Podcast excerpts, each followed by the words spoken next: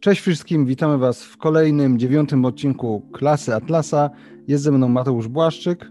Hej, cześć, witajcie. Ja nazywam się Ziemowit Gowin i dzisiaj rozpoczynamy blok tematyczny poświęcony epistemologii.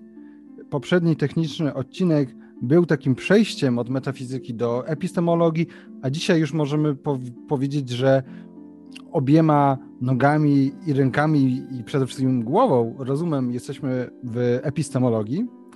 I dzisiejszy temat, który poruszymy, jest tematem, który troszeczkę się przewijał w poprzednich odcinkach, a mianowicie temat pojęć aksjomatycznych. I omawialiśmy aksjomaty jako takie. Mm, wyjaśnialiśmy, czym są, że to są pewne twierdzenia, które identyfikują coś, co jest fundamentalne i coś, co jest samo oczywiste. To, że istnienie istnieje, że jest świadomość, która jest świadoma tego, co y, istnieje, no i że wszystko, co jest, jest jakieś, że każdy byt, w tym też zresztą świadomość, ma określoną naturę, tak? Czyli to był aksjomat istnienia, aksjomat świadomości i aksjomat, y, i aksjomat tożsamości. Y, no i wyjaśnialiśmy też, że to, co możemy eksplicite, wprost wyrazić w takich sformułowaniach jak istnienie, yy, istnieje albo każdy byt ma swoją naturę, każdy byt ma swoją tożsamość, to one implicite są podstawą i fundamentem wszelkiej ludzkiej wiedzy. Tak, ponieważ tak jak to tłumaczyliśmy, zanim się zapytamy, y, czym coś jest, to coś musi istnieć i to coś musi też posiadać jakąś naturę. Pytanie, to, co czymś jest, jest pytaniem o naturę de facto tego y, bytu. Y, natomiast jeżeli chodzi o strukturę ludzkiej wiedzy na tym poziomie świadomym, na tym poziomie eksplicitnym, to te twierdzenia nie są pierwotne, dlatego że zauważcie, każde z nich składa się z pojęć, concepts. Tak? Istnienie istnieje. A każdy byt ma swoją tożsamość, każdy byt ma swoją naturę. W tych twierdzeniach, które my możemy w sposób pojęciowy wyrazić, zawierają się pewne pojęcia też. E, I o ile możemy powiedzieć, że aksjomaty są wyrażone, to wyrażone konkretnymi twierdzeniami, fundamentalne e, i samooczywiste prawdy, które uchwytujemy bezpośrednio które leżą u całej, u podstaw całej naszej wiedzy i nie są możliwe do odrzucenia bez popadnięcia w e, sprzeczność, tak jak próbowaliśmy to e, pokazać, o tyle pojęcia aksjomatyczne to coś, co możemy nazwać pojęciową, konceptualną identyfikacją podstawowych faktów na temat rzeczywistości, które same w sobie nie mogą już być dalej analizowane. Czyli, że nie mogą być dalej rozbierane na części składowe, ani dalej, ani dalej redukowane. I to jest coś, co wyjaśnialiśmy chociażby w przypadku świadomości, tak? ponieważ świadomość to jest jedno właśnie z tych pojęć, z tych pojęć yy, aksjomatycznych. To może Mateusz coś teraz ty dodasz. No, pojęcia aksjomatyczne i o tym też już wcześniej wspominaliśmy. E, pojęcie aksjomatyczne jako takie jest implicite zawarte we wszystkich znanych nam faktach, e, w całej wiedzy jako takiej. Jest nam czymś w pewnym sensie danym, bo jest bezpośrednio postrzegane albo doświadczane, tak, tak jak to, że wokół nas jest istnienie, tak, rzeczywistość. Mm, nie wymaga, nie wymaga wymaga też pojęcia aksjomatyczne żadnego dowodu ani wyjaśnienia. Co więcej, nie jest możliwe żaden dowód ani wyjaśnienie, e, bo to na nim opierają się wszelkie dowody i wyjaśnienia. No i pierwszymi podstawowymi pojęciami aksjomatycznymi, które bezpośrednio e, korelują z aksjomatami, o których mówiliśmy, jest po prostu istnienie, tożsamość, e, która jest pochodną istnienia i świadomość, istnienie, tożsamość, świadomość. I oczywiście my możemy badać to, co istnieje, oraz to, w jaki sposób funkcjonuje ta świadomość, ale nie możemy zanalizować albo udowodnić istnienia czy świadomości jako takich, ponieważ one są nieredukowalnymi pojęciami pierwszymi, pierwotnymi i to na nich zasada się wszelka analiza i dowodzenie. I teraz, co to oznacza? że pojęcia aksjomatyczne są pojęciami. Bo ktoś może pomyśleć, e, zwłaszcza ktoś, kto nie siedzi głęboko w metafizyce czy epistemologii, no, że my dzielimy włos na czworo. Był już cały odcinek o aksjomatach, po co teraz o pojęciach aksjomatycznych? Jaka jest różnica? O co w ogóle chodzi? Dlaczego ten temat jest istotny? Więc pojęcia aksjomatyczne, jak sama nazwa wskazuje, są pojęciami. Tak? E, aksjomaty nawet w swojej formule to są pewne sentencje, zdania, które coś mówią, tak? Istnienie istnieje. Mamy podmiot, e, mamy orzeczenie, tak? E, każdy byt ma swoją naturę.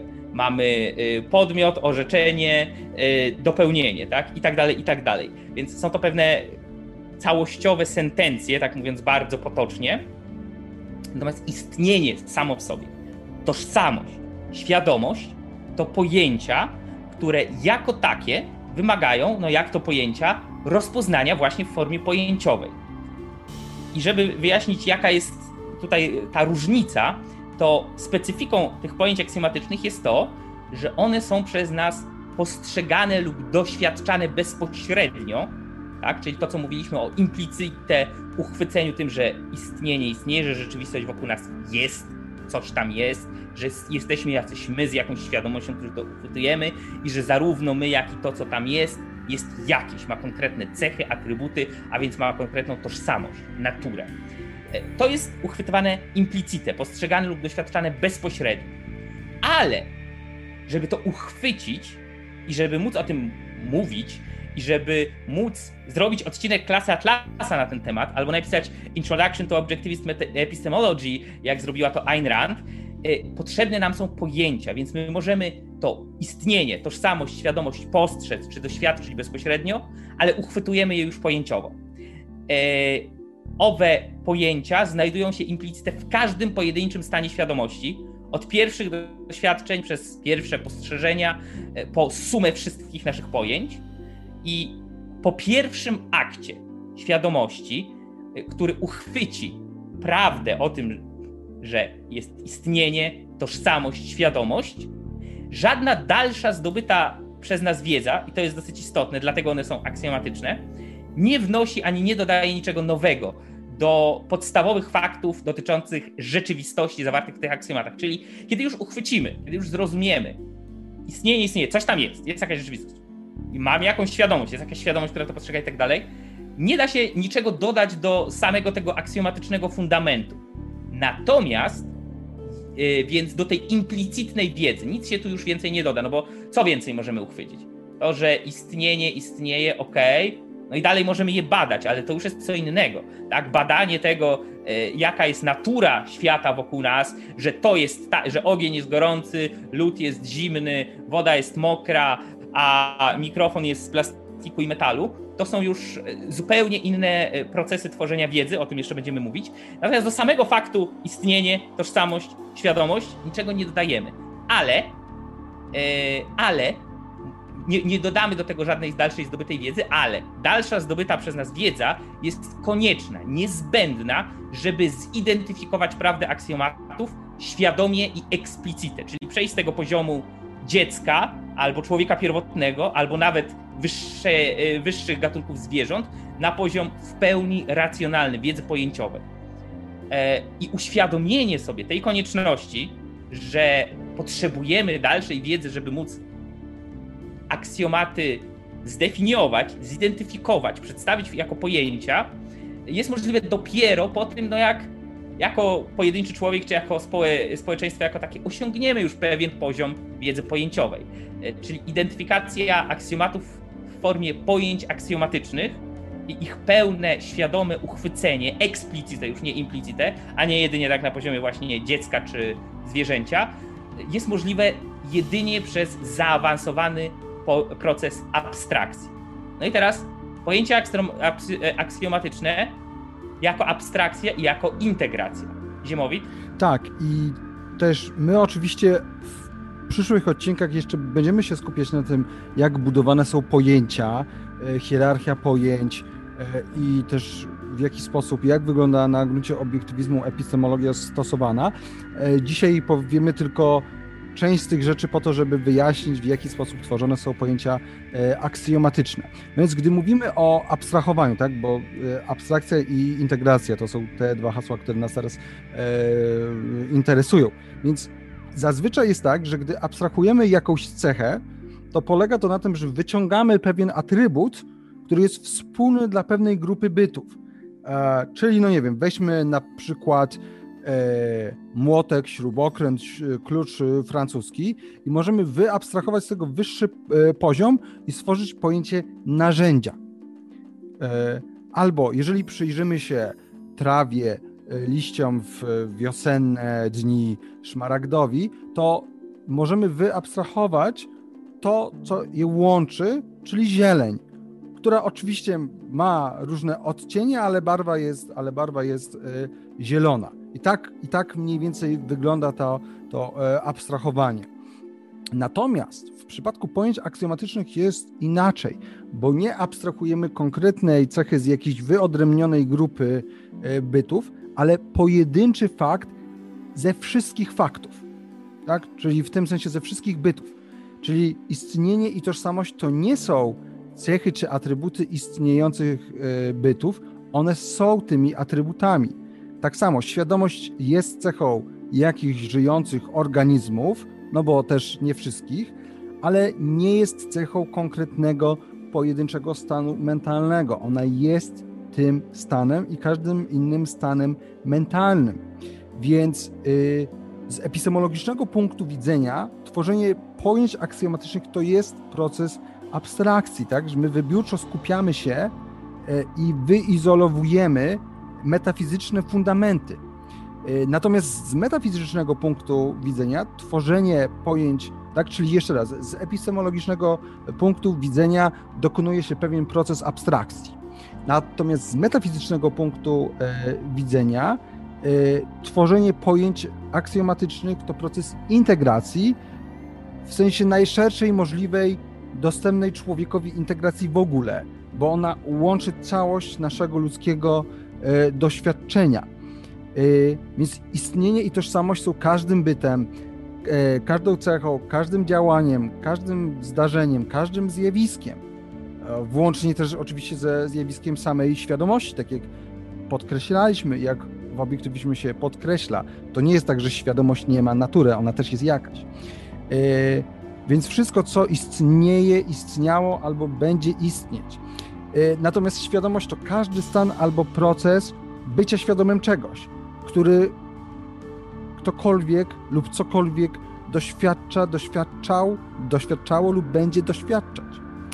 Y, więc, więc tak, tak wygląda y, właśnie to, w jaki sposób my tworzymy czy dochodzimy do tych pojęć e, aksjomatycznych. E, no więc kolejnym punktem jest kwestia tego, e, jest ta różnica właśnie, która już została wspomniana, różnica między, to znaczy to, że pojęcia aksjomatyczne są dojrzałą, eksplicitną identyfikacją, rozpoznaniem tego, co dziecko albo zwierzę albo prymitywni e, ludzie uchwytują implicite. Mateusz?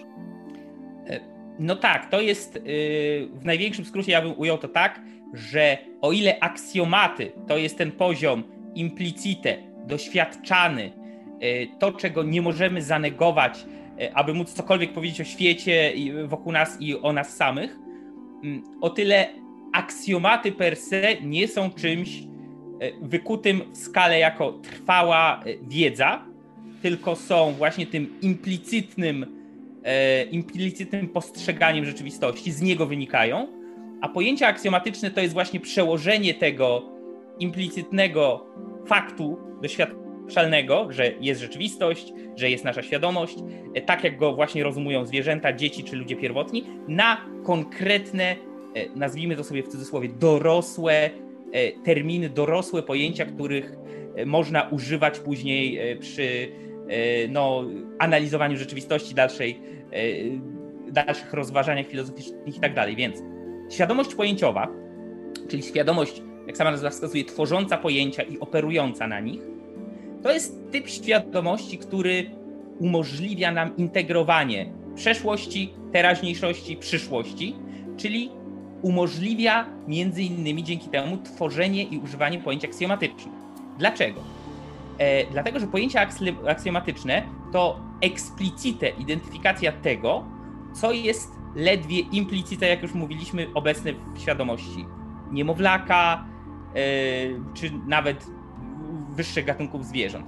Wiedza implicite to w pewnym sensie ta jak, jak ala u niemowlaka, to materiał, który jest biernie trzymany w y, umyśle. W pewnym sensie coś widzimy, tak, ja widzę mikrofon, ja widzę komputer i tyle. To, i, to jest, I nic więcej z tym nie, nie robię, tak? Jest pewien fakt doświadczania tego, że tam coś jest. Koniec, end of story. E, więc e, wiedza implicyta to jest taki biernie trzymany w umyśle materiał, ale po to, aby on został uchwycony, to już wymaga szczególnego skupienia, wysiłku, świadomego procesu myślowego, czyli czegoś, czego człowiek się dopiero uczy. Tak? To, nie jest, to nie działa automatycznie w jego umyśle. No i jest to też e, coś, co odróżnia świadomość człowieka od zwierzęcia.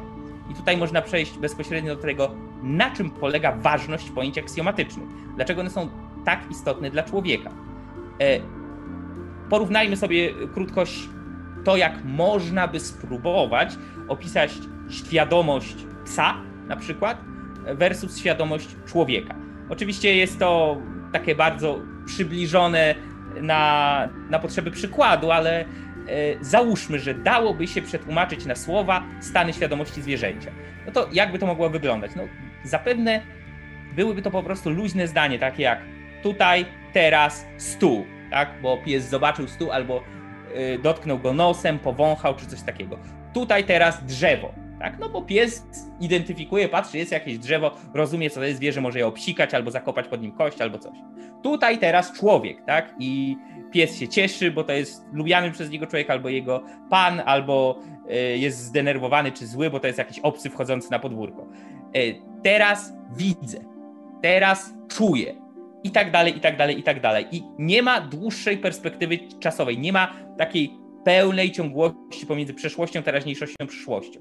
Natomiast ludzka świadomość tym różni się od zwierzęcej, że z tym samym materiałem dostarczonym przez zmysły może zrobić i robi znacznie więcej. W pewnym sensie ja to nazwałem, że nawleka go na ciągłość czasową, czyli ma koncepcję tego, że to nie jest tak, że teraz mam postrzeżenie, teraz mam konkretną informację ze zmysłów.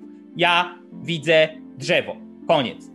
Nie wiem skąd się to drzewo wzięło, nie, nie, nie mogę nawet pomyśleć o tym, czy ono było tu wcześniej, czy sadzonka yy, z małego drzewka potem urośnie w wielki dąb i tak dalej. Człowiek jest w stanie to zrobić, bo człowiek widzi tę ciągłość czasową. Stół istnieje, tak? Nie tylko tutaj, teraz stół, ale stół istnieje. Istniał wcześniej, istnieje teraz.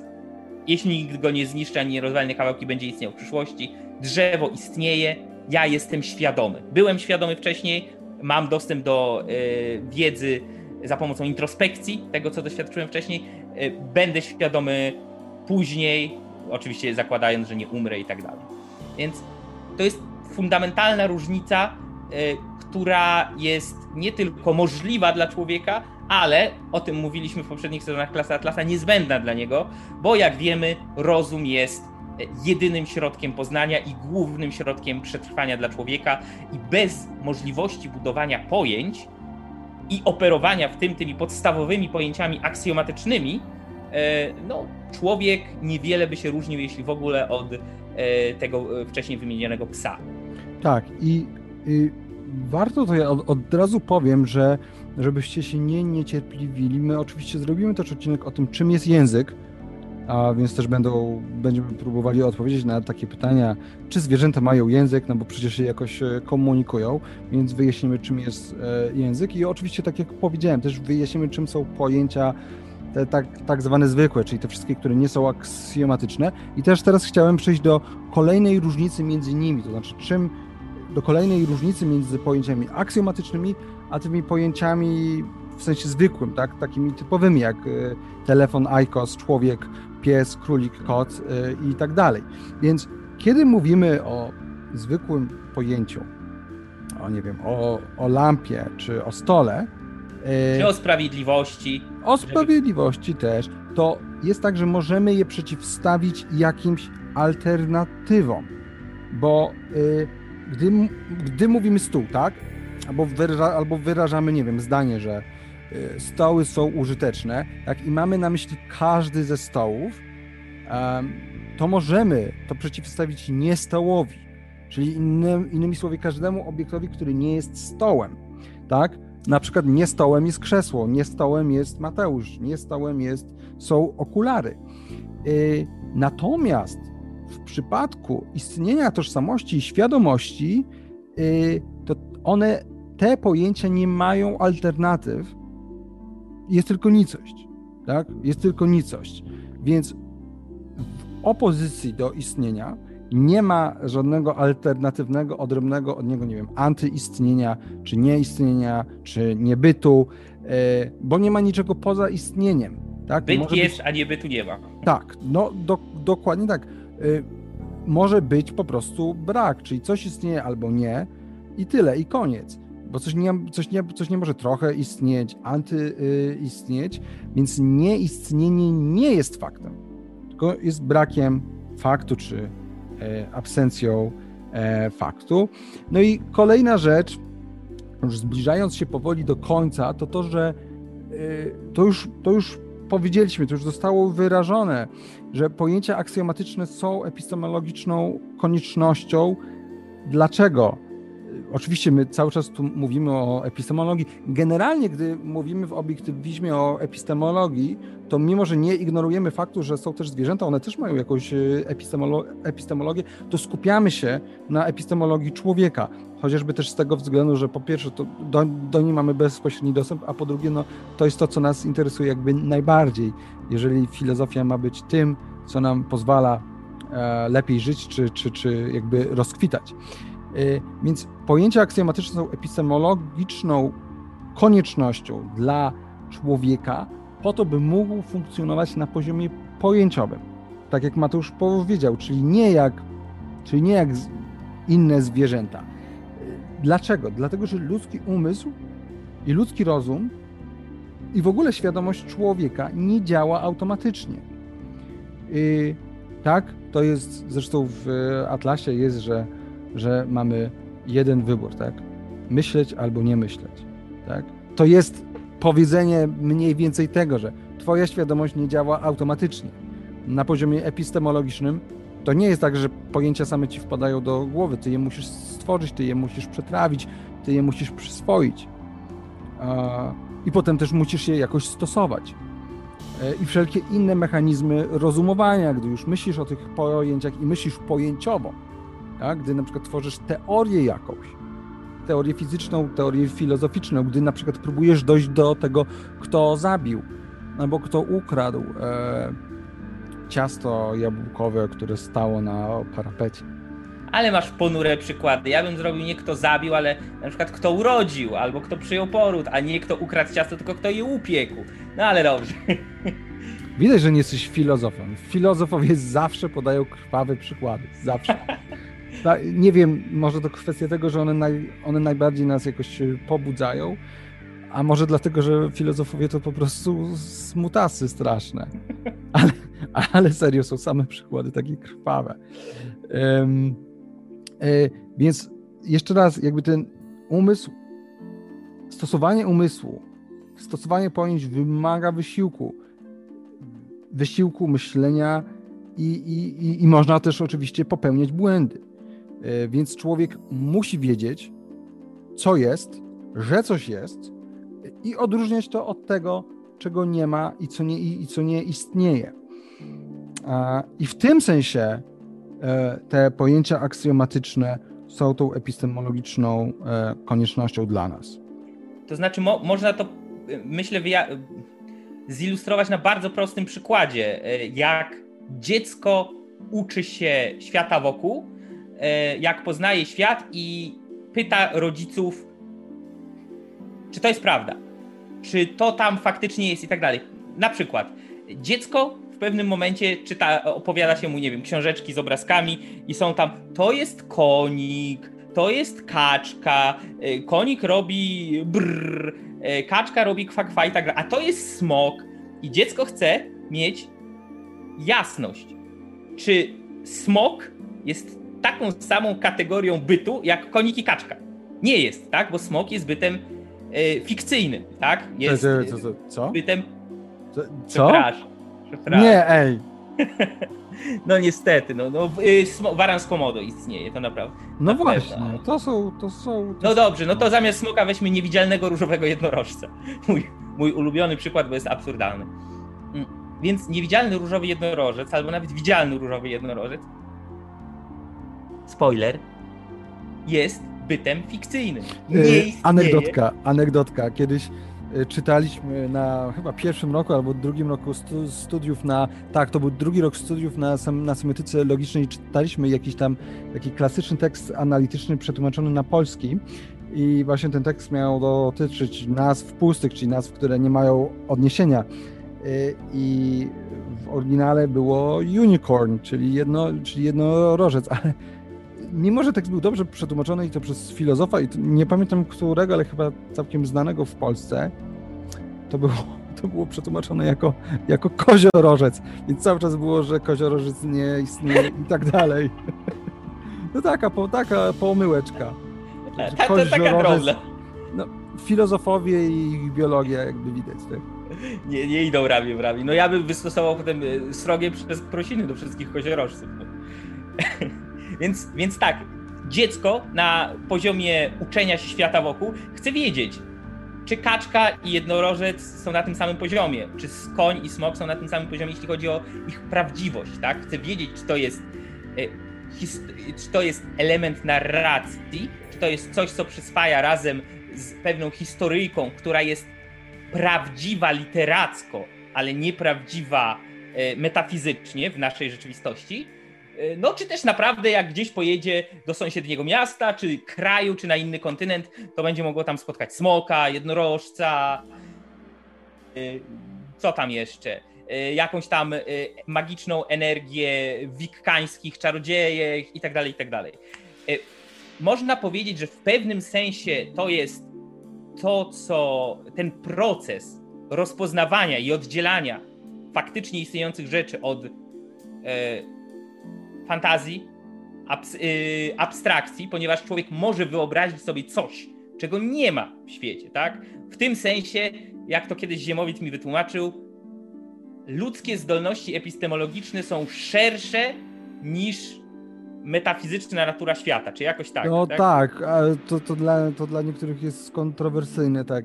Ja, Tak, nie, no ja to, ja to rzucam tylko tak bardzo luźno. W sensie ja też możemy nawet uważam, że epistemologiczna możliwość jest szersza od możliwości logicznej, wbrew temu, co by się mogło wydawać. Znaczy, myślę, że możemy mówić o rzeczach, które są logicznie niemożliwe.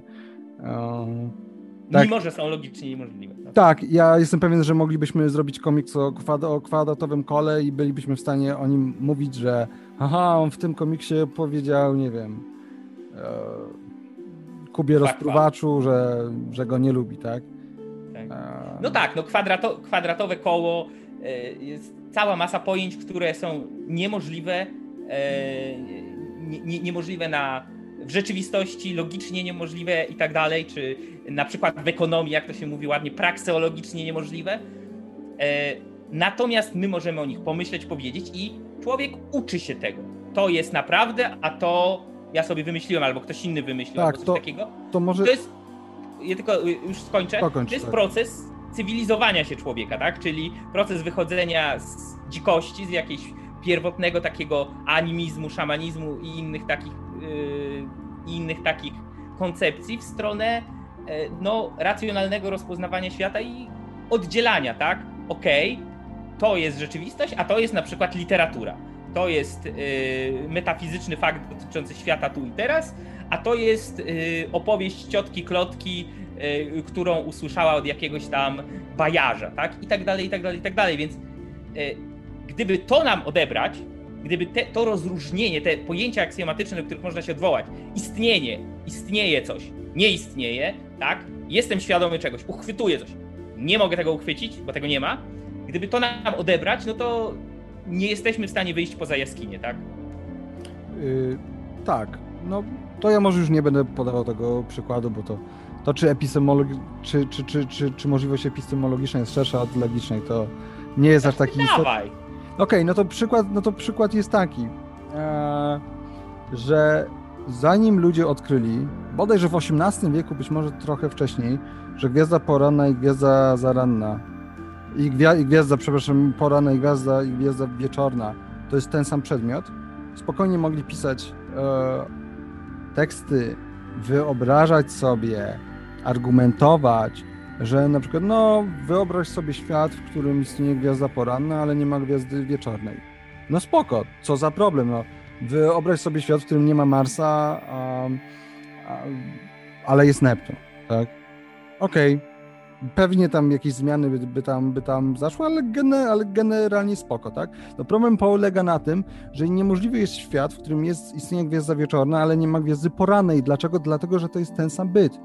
Tylko zanim my wiedzieliśmy, że to jest ten, jest ten sam, to, je, to byliśmy w stanie myśleć e, o tym jako o czymś oddzielnym. Zresztą na tym moim zdaniem, to, to już jest w ogóle dygresja, ale na tym moim zdaniem polega błąd e, otwartego pytania, argumentu z otwartego pytania Mura, jeżeli mówimy o metaetyce, tak?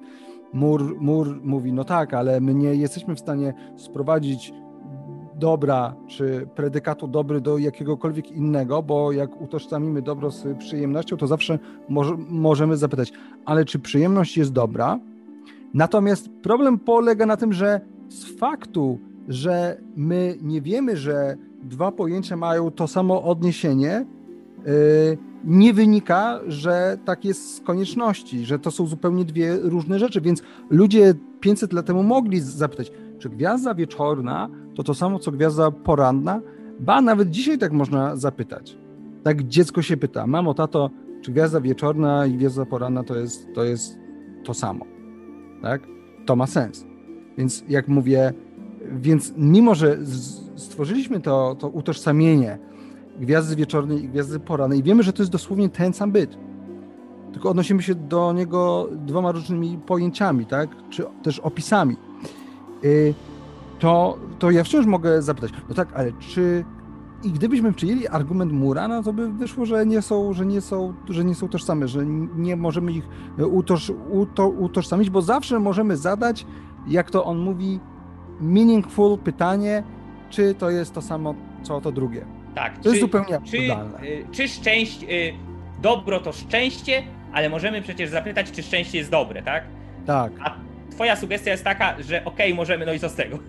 Tak, no Jakby... no to, to jest moja sugestia i ja mam, ja mam, wiecie, ja mam takie przekonanie, ja tak podejrzewam, że ja po prostu jestem za głupi na, fil, na filozofię, ale mnie na, naprawdę dziwi, że argument Mura i w ogóle jego koncepcja sprawiła, że cały XX wiek został zupełnie przetrząśnięty i, i się narodziły emotywizmy, preskryptywizmy i inne tego typu rzeczy, które uznały, że a, w sumie to sądy etyczne nie mają sensu, nie mają wartości logicznych, co uważam, że było dużym cofnięciem się. I to wszystko przez ogólnie argumentację Mura, który ostatecznie, on nie był y, żadnym emotywistą, tak? On był intu, intuicjonistą nie wiem szczerze, co gorsze.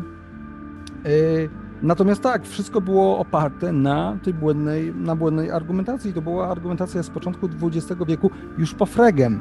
Po Fregem wiedzieliśmy, że to nie jest żaden problem. Że z faktu, że A równa się A i A równa się B, nie wynika żaden problem, że jest to zupełnie naturalne zjawisko, że mamy dwa różne pojęcia na ten sam byt. I to nie jest problem. Nieważne, jakie tam pytania jeszcze możemy sobie zadać. Ale dobra, to była duża metaetyczna dygresja. Ale myślę, że ciekawa dla naszych widzów. Dla mnie na pewno, więc myślę, że dla, dla widzów. Wiecie, ja sobie czasem myślę, że nie wiem, że wpadam na takie proste rzeczy, że pewnie już ktoś to kiedyś wymyślił i po prostu ja tu nie rozumiem czegoś. Ale szczerze mówiąc, jak pytam ludzi, no to mi mówią, że w sumie to mam, to mam, chyba, to mam chyba rację, więc. No ale wiecie, to tak jak z, gilo, z gilotyną e, Huma, nie? Są ludzie, którzy myślą, argument z otwartego pytania, błąd naturalistyczny, gilotyna Huma, etyka jest do wyrzucenia, Nietzsche. No, jeszcze żeby, jeszcze żeby to był Nietzsche. A to wiecie, tacy zblazowani, biali profesorowie w garniakach, zapięci tutaj, takie przegrywy życiowe, które tylko, wiecie, znaczki sobie wypisują i myślą, że to jest filozofia. To jest, to jest problem dzisiejszej filozofii. Dobra, wracamy. A o niczym, a o niczym będzie w następnym odcinku. Zapowiadam. Dokła- a właśnie, o niczym będzie w następnym odcinku. No dobra. Jak ktoś dotrwał, w ten sposób możemy sprawdzić, kto naprawdę ogląda nasze podcasty i ogląda je do końca. Jak ktoś Mama, dotrwał do tego tata, momentu, ma siostra. zapowiedź przyszłego odcinka. Właśnie, tak, to będzie o niczym. No dobra, czy, czy coś jeszcze mamy z pojęć aksjomatycznych? No, tylko wspomniałbym o tym pojęciu, które wprowadziła Rand, e, jakby zupełnie innym ujęciu, któremu ona się sprzeciwiała i wydaje mi się, że po tym, co dzisiaj powiedzieliśmy, to będzie e, dla wszystkich dosyć oczywiste i jasne, dlaczego się sprzeciwiała, czyli to, co ona nazwała the reification of the zero, reifikacja zera. Czyli E, uprzedmiotowienie zera, tak? Sprawienie, że ujęcie zera jako przedmiotu. Tak, czyli e, odwrócenie porządku rzeczy i stwierdzenie, że nic jest czymś. Nic jest jakimś bytem. Nic jest, nicość jest jakimś istnieniem, jakimś specjalnym, innym typem istnienia, innym typem e, rzeczywistości. No i tutaj Rand podaje e, nie jako uzasadnienie, ale jako ilustrację kilka takich popularnych sentencji filozofów i myślicieli XIX i XX wieku. Mm, Na przykład y, Sartra. Y, Nothingness is prior to being. Y, Nicość jest prymarna, wcześniejsza wobec istnienia. Y, Z Willama Barretta. Y, Nawet nie wiem, jak to przetłumaczyć, szczerze, Yy... Okej, my, to, my to tłumaczymy z, na bieżąco. na, na bieżąco. Um, faktycznie się zastanawiam. E, to jest, ale widzicie, to pokazuje, że jakby nasze podcasty są zupełnie szczere, nie? Jakby e, w sensie, że to nie jest tak, że to wszystko jest takie mechaniczne, robotowe. Dobra, ludzka skończoność to y, teraz To- to, to To obecność, obecność nie w byciu człowieka. to obecność nie w byciu człowieka, tak. Ludzka skończoność to obecność nie, the not, w byciu człowieka. Samuel Beckett, e, nic jest bardziej rea- e, nic jest bardziej realne niż nic. No albo oczywiście. Heideggerowskie nicość nicuje.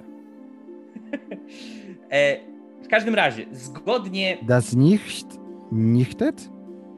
Ty Tak. znasz niemiecki lepiej. das, das nichts nichtet. Okej. Każ- W każdym razie y, to, co Rand nazwała reifikacją zera, to jest świadomość nie czegoś, ale negacji czegoś, tak? E, czyli to, czego jesteśmy świadomi, e, e, przedmiot na, bycia świadomym przez podmiot, to nie jest jakaś rzecz, ale nie rzecz, nie byt, nie istnienie.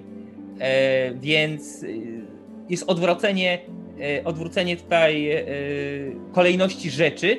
I tak jak na przykład, jak mamy po angielsku, po polsku trochę ciężej to oddać, bo po angielsku to się nawet rymuje, ale zaraz wyjaśnię o co chodzi. Presence i absence, tak? Czyli coś jest obecne, presence, i coś jest nieobecne, absence, to żeby wyjaśnić absence, nieobecność, możemy odwołać się do presence, tak? Czyli mam y, myszkę komputerową, ona istnieje, jest w mojej ręce, jest obecna, a teraz nie ma myszki, tak? E, przynajmniej u was na ekranie. Jest, nie ma. Jest, nie ma. Nie ma, jest. Wiecie o co mi chodzi. Tak jak się z dzieci, e, jak się z małymi dziećmi e, e, bawią rodzice czy starsi, starsze rodzeństwo, nie ma, nie ma, nie ma, nie ma, a kuku, tak? Nie, i, I dziecko się cieszy, ojej, najpierw nie ma, a potem jest. I zaczyna powoli, i to szczerze mówiąc, te zabawy są bardzo rozwojowe dla dzieci, bo one zaczynają powoli rozumieć, ale on tak naprawdę tam jest za tą ręką, tylko się tak chowa, tak? I moment, kiedy on, dziecko przechodzi z ojej, nie było go, a teraz jest, co się dzieje, nie rozumiem świata, do zakrył się ręką, a teraz się po pokazuje, bo chce się ze mną bawić, to jest moment bardzo ważnego rozwoju epistemologicznego człowieka, ale to jest mniejsza. W każdym razie Jest plotka, plotka głosi, że marksiści dalej nie doszli do tego, do tego poziomu. myślę, że to nie tylko plotka. No więc y, chodzi mi o to, że przez fakt, że wyjaśnię, co to znaczy, że myszka tu jest, tak? Obecność myszki, presence, mogę wyjaśnić, co to znaczy, że jej nie ma. Tak? No, no, no nie ma myszki. Była, teraz jej nie ma. Ale nie mogę w drugi sposób, w drugą stronę. Nie mogę przez to, że czegoś nie ma, wyjaśnić, co to by znaczyło, że jest. Tak? Teraz wyobraźcie sobie, że nigdy w życiu nie widzieliście żadnej myszki, albo w ogóle żadnego bytu czy istnienia, zakładając, że byłoby to możliwe, a nie jest. Żeby, w sensie myszki mogliście nie widać bytu albo istnienia, nie. I ja bym wam próbował teraz wyjaśnić, co to znaczy, że tu jest myszka. Tak? Co to znaczy, że jej obecność. Jest to niemożliwe ani z logicznego, ani w zasadzie z żadnego punktu widzenia, a to jest właśnie to, co próbują robić odwołujący się do tej tak zwanej reifikacji jako zero. No tak już kończąc, ja powiem w takim e, bardzo takim popkulturowym ujęciu, to Nicoś jest jak nicuje. macie... Co? Nicoś nicuje. Nicoś nicuje, bardzo popkulturowo. E, no w sumie Heidegger. E, to jest tak, jak macie wszystkie jakieś takie, nie wiem, światy fantastyczne, jakieś tam y, galaktyki z materii, antymaterii i tak dalej. Albo na przykład jak macie tą grę, jak to się nazywa, RPG, y, Lochy i Smoki, tak? Ten cały Dungeons and Dragons system i tam jest pozytywna energia i negatywna energia, jako faktycznie istniejące byty, tak? Jest dobro i zło jako faktycznie istniejące przeciwieństwa. Nie zło jako brak dobra, nie zło jako y, zniszczenie dobra, tylko rzeczywiste siły, tak? To jest taki bardzo manichejski świat, tak? Jak, Ale nie, e, dobra, Mateusz. Więc to jest takie ujęcie i to ujęcie jest do kosza. Ale musisz nam odpowiedzieć teraz na jedno pytanie, które na pewno się pojawia w głowach niemal Ojej. wszystkich słuchaczy. Kim grałeś w DDK? Jaka klasa, jaka rasa i charakter? Ja nie wiem, czy to jest. Czy to jest. Dobra, dobra, czekaj, czekaj. Gnom? E, Gnom, który jest. jak się nazywa ten taki, który tam kradnie i e, tak dalej? Łotrzyk. Gnom Łotrzyk, tak. Albo nie, ty, był, ty byłbyś bardem. W sumie fajnie, no. Bard jest zawsze taki hejtowany, że beznadziejny, ale spoko. Nie, bard jest y, super. Ale, ale no, Łotrzyk, Łotrzyk fajna klasa, to prawda. Ale ciekawe, ciekawe, ilu takich przegrywów by było jakąś taką z wielkimi piersiami, taką e, kapłanką, która leczy. Półelfką. Zrobi... Możemy zrobić kiedyś o tym komentarz Atlasa. E, no, a jeśli chodzi o obecny temat, czyli pojęcia aksjomatyczne i to, dlaczego musi być coś, a nie może być nic, nie wiem, czy coś jeszcze mam do dodania? Nie, to już wszystko. Więc dziękujemy, że nas słuchaliście. Dziękujemy, bądźcie świadomi, pamiętajcie, że byt jest, a nie bytu nie ma. e, I działajcie na poziomie ludzkiej świadomości, a nie zwierzęta cia albo marksisty. Przestań obrazić zwierzę. Dobra, lajkujcie, subskrybujcie, szerujcie. Jeżeli się Wam bardzo podoba nasza treść, to zastanówcie się nad tym, czy nas nie wesprzeć na Patronite. Link w opisie. Do zobaczenia. Cześć. Hej!